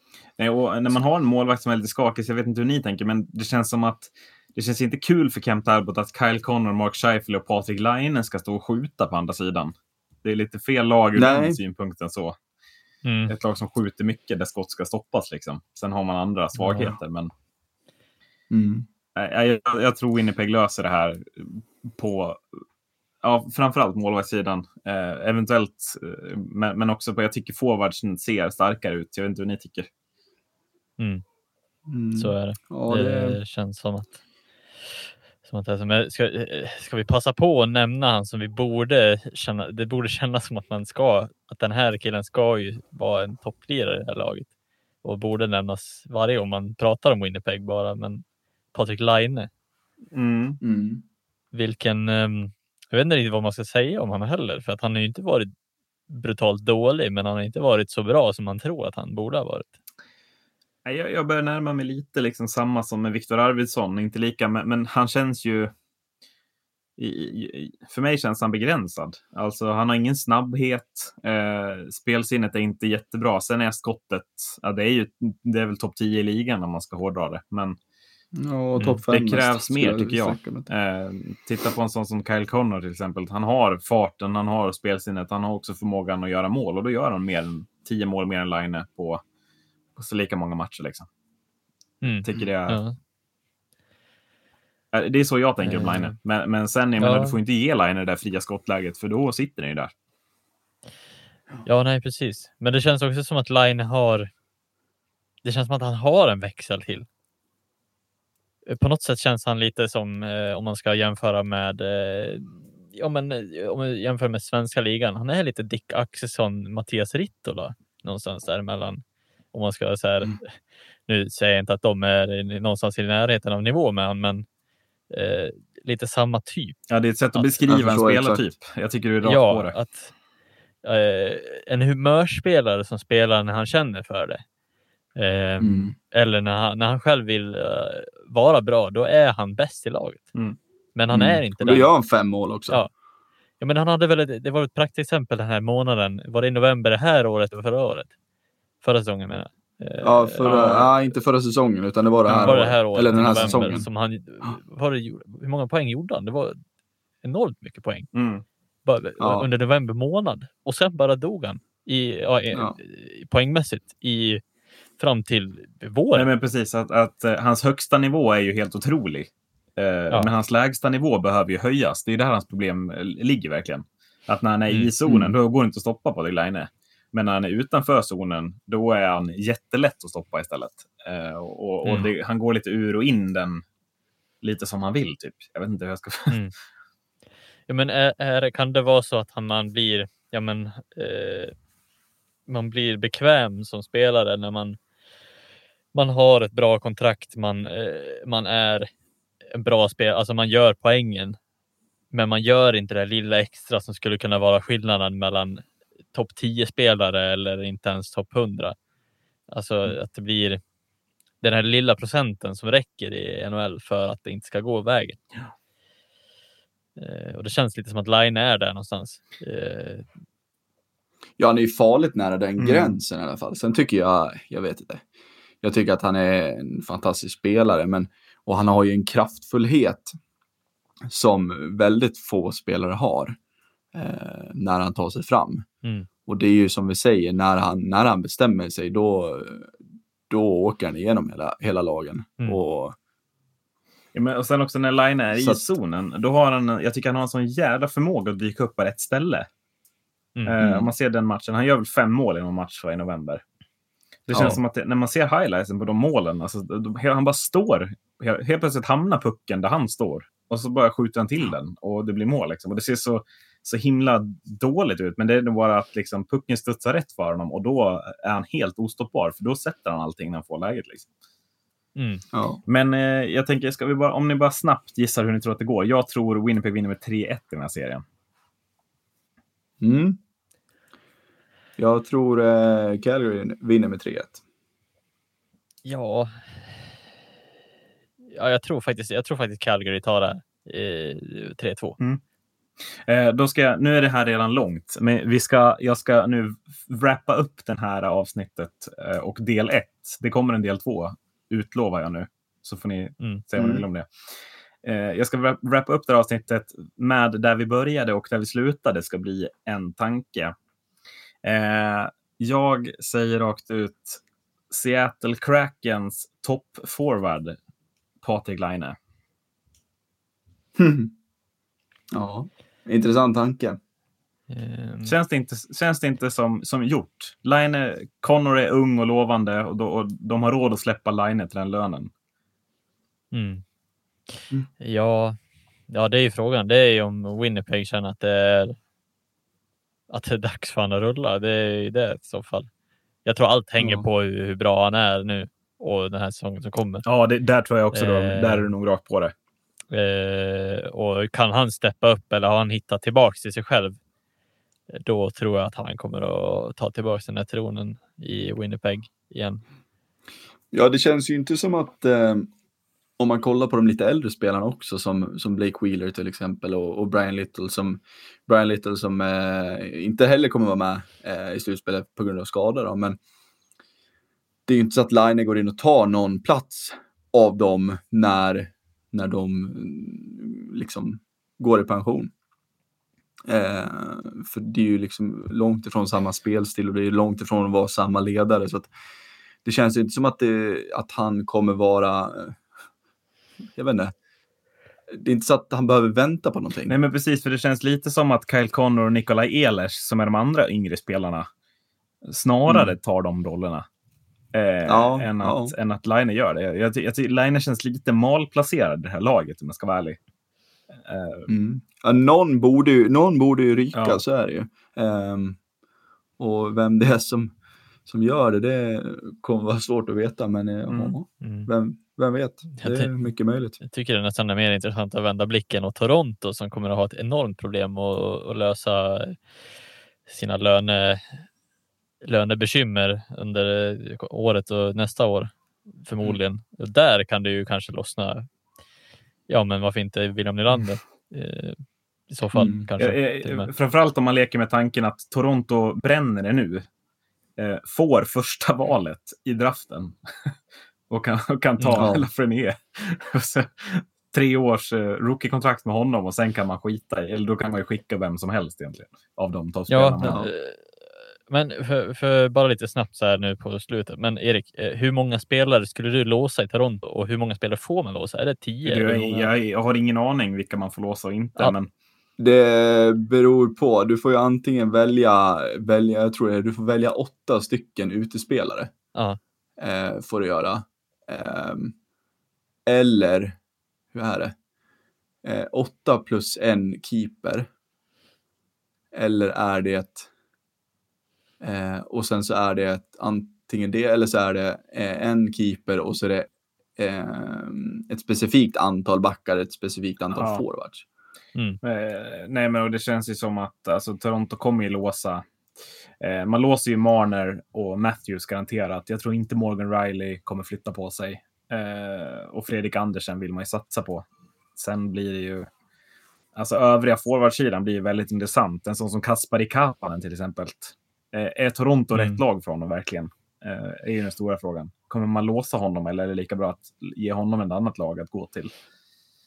Det känns väl som att det blir Kapanen eller Nylander. Mm. Och med Nylanders kontrakt så, ja, alltså William Nylander och Patrik Laine som super i Seattle Kraken. Där har ni om inte mm. annat en NHL-sparning på NHL 22 som ni kan jobba med. Ja. Eh. Ja. Men eh, ska vi säga så? Tycker jag. Eh, och del två eh, med den östra konferensen, det blir förhoppningsvis kortare då. Eh, återkommer vi med förhoppningsvis innan start av eh, NHL också då, eller? Mm. Det ska vi absolut göra, tycker jag. Eh, men jag tänker, Adde, hur länge vi har varit i poddzon under ett bra tag. Hur tar man sig enklast ur zon? Det gör man sarg ut. Det gör man sarg ut. På återhörande. Tack för att ni har lyssnat. Hej då. Hej då. Hej då.